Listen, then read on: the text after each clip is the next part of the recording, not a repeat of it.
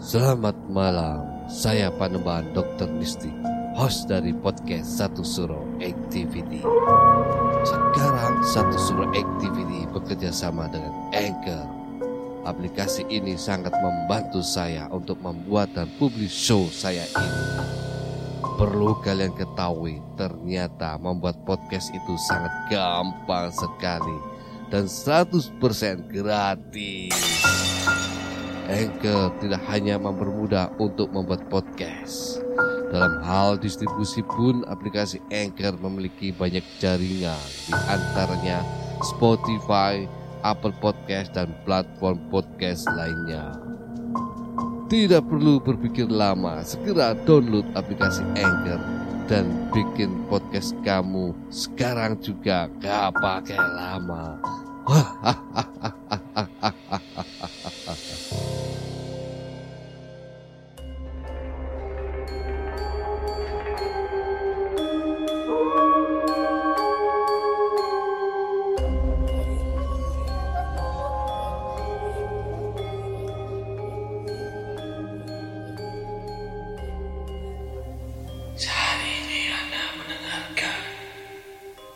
podcast satu suro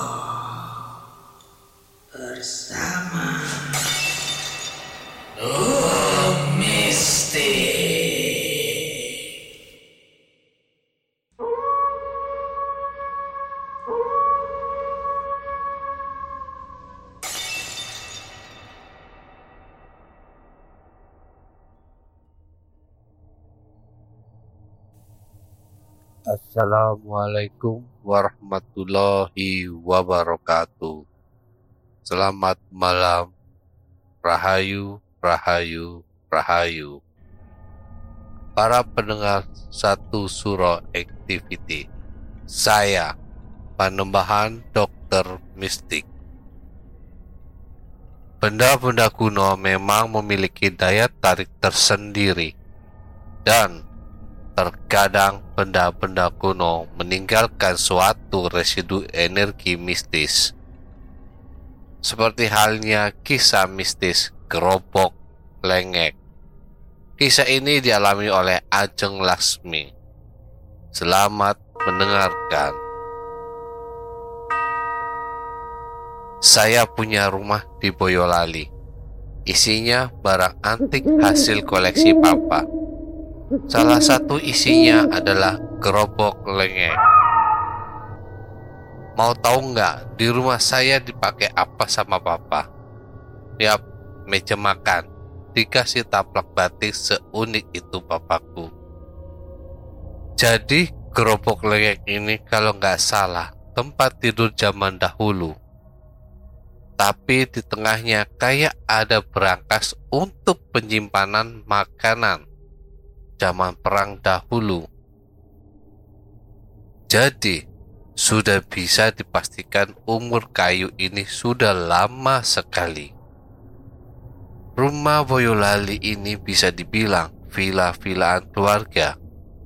Suatu hari ada reunian 11 orang teman SMA papa. Salah satunya adalah Tante Otik. Di rumah sendiri cuma ada tiga kamar karena 11 orang hanya satu yang laki-laki terpaksa si Om Y tidur di ruang TV dekat dengan meja makan tercinta kami. Di tengah malam sekitar jam satuan Om Y teriak dan lari ke depan rumah. Semua pada kebangun dan bertanya-tanya, ada apa? Semua pada kebangun dan bertanya-tanya, ada apa? Om Ye bilang mimpi, lalu mereka lanjut istirahat lagi. Besok paginya, Tante Otik langsung cerita ke papa saya. Dia melihat Om Ye diganggu oleh gerobok lengek. Ternyata gerobok lengek tempat biasa saya makan bubur ayam dulunya adalah bekas penjagalan kepala kepala Omnya juga cerita hal yang sama beliau melihat kepala bergantungan dan ilustrasi kepala dipenggal. Eh, mengerikan. Sejak saat itulah saya selalu makan bubur di lantai sambil lesehan atau di ruang tamu saja. Semua kisah di atas real dan saya mempercayai adanya makhluk selain manusia. Semoga kita semua selalu dilindungi Tuhan Yang Maha Esa.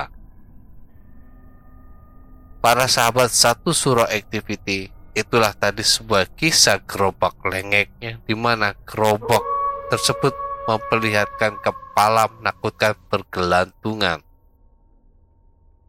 Para sahabat satu suro activity, ada sebuah hikmah dari kisah tersebut, yaitu benda-benda kuno bertuah peninggalan eyang atau leluhur dapat menyimpan memori suatu residu energi yang dapat dilihat orang-orang tertentu.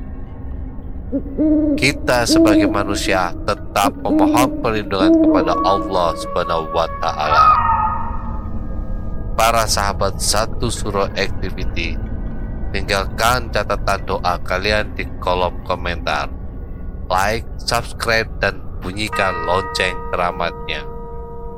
Para sahabat satu surah activity, tetaplah eling lan waspodo. Assalamualaikum warahmatullahi wabarakatuh. Salam, salam, salam.